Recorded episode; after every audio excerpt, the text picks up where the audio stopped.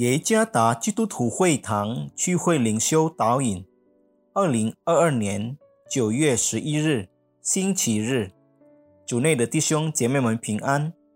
今天的灵修导引，我们要借着圣经以赛亚书六章一到八节来思想今天的主题：使者的承诺。作者彭卫国牧师。以赛亚书六章一到八节：当乌西亚王崩的那年，我见主坐在高高的宝座上，他的衣裳垂下，遮满圣殿，其上有沙拉弗设立，各有六个翅膀，用两个翅膀支脸，两个翅膀支脚，两个翅膀飞翔，彼此呼喊说：“圣哉，圣哉，圣哉！”万军之耶和华，他的荣光充满全地。因呼喊者的声音，门槛的根基震动，殿充满了烟云。那时我说：祸灾，我灭亡了，因为我是嘴唇不洁的人，又住在嘴唇不洁的民中。又因我眼见大君王万军之耶和华，有一沙拉弗。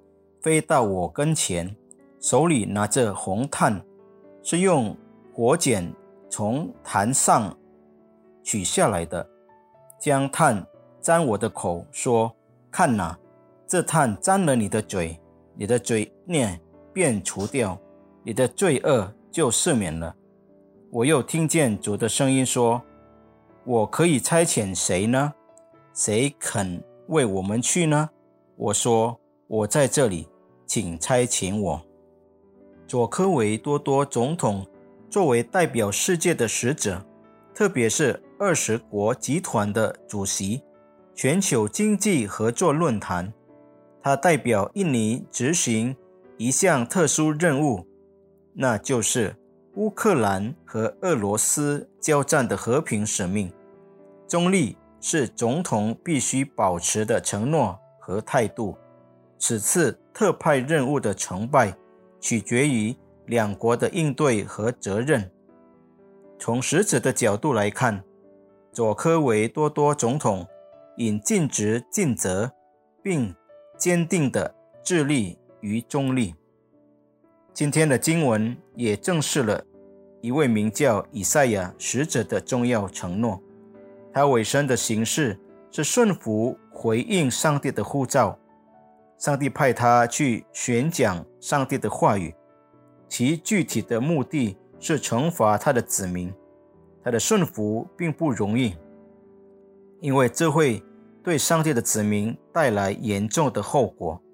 然而，以赛亚的承诺是什么呢？使他依然可以忠于他的呼召。一，因为他意识到呼召他的上帝是一位伟大圣洁。荣耀的上帝，一到三节；二，意识到自己在万军之耶和华面前是一个不配的使者，第五节，并受了服从的呼召和服侍有罪的国民，不洁的罪。即使他不配，但已被上帝成圣和赦免。因此，基于这个意识，以赛亚承诺服从上帝的呼召。说：“我在这里，请差遣我。”第八节，透过正确的意识，能够鼓励一个使者更加致力于他的呼召。一个对他自己的护照的承诺的证明，是透过他对上帝的护照的绝对顺服来表达的。无论护照的形式和内容如何，使者承诺的具体证明。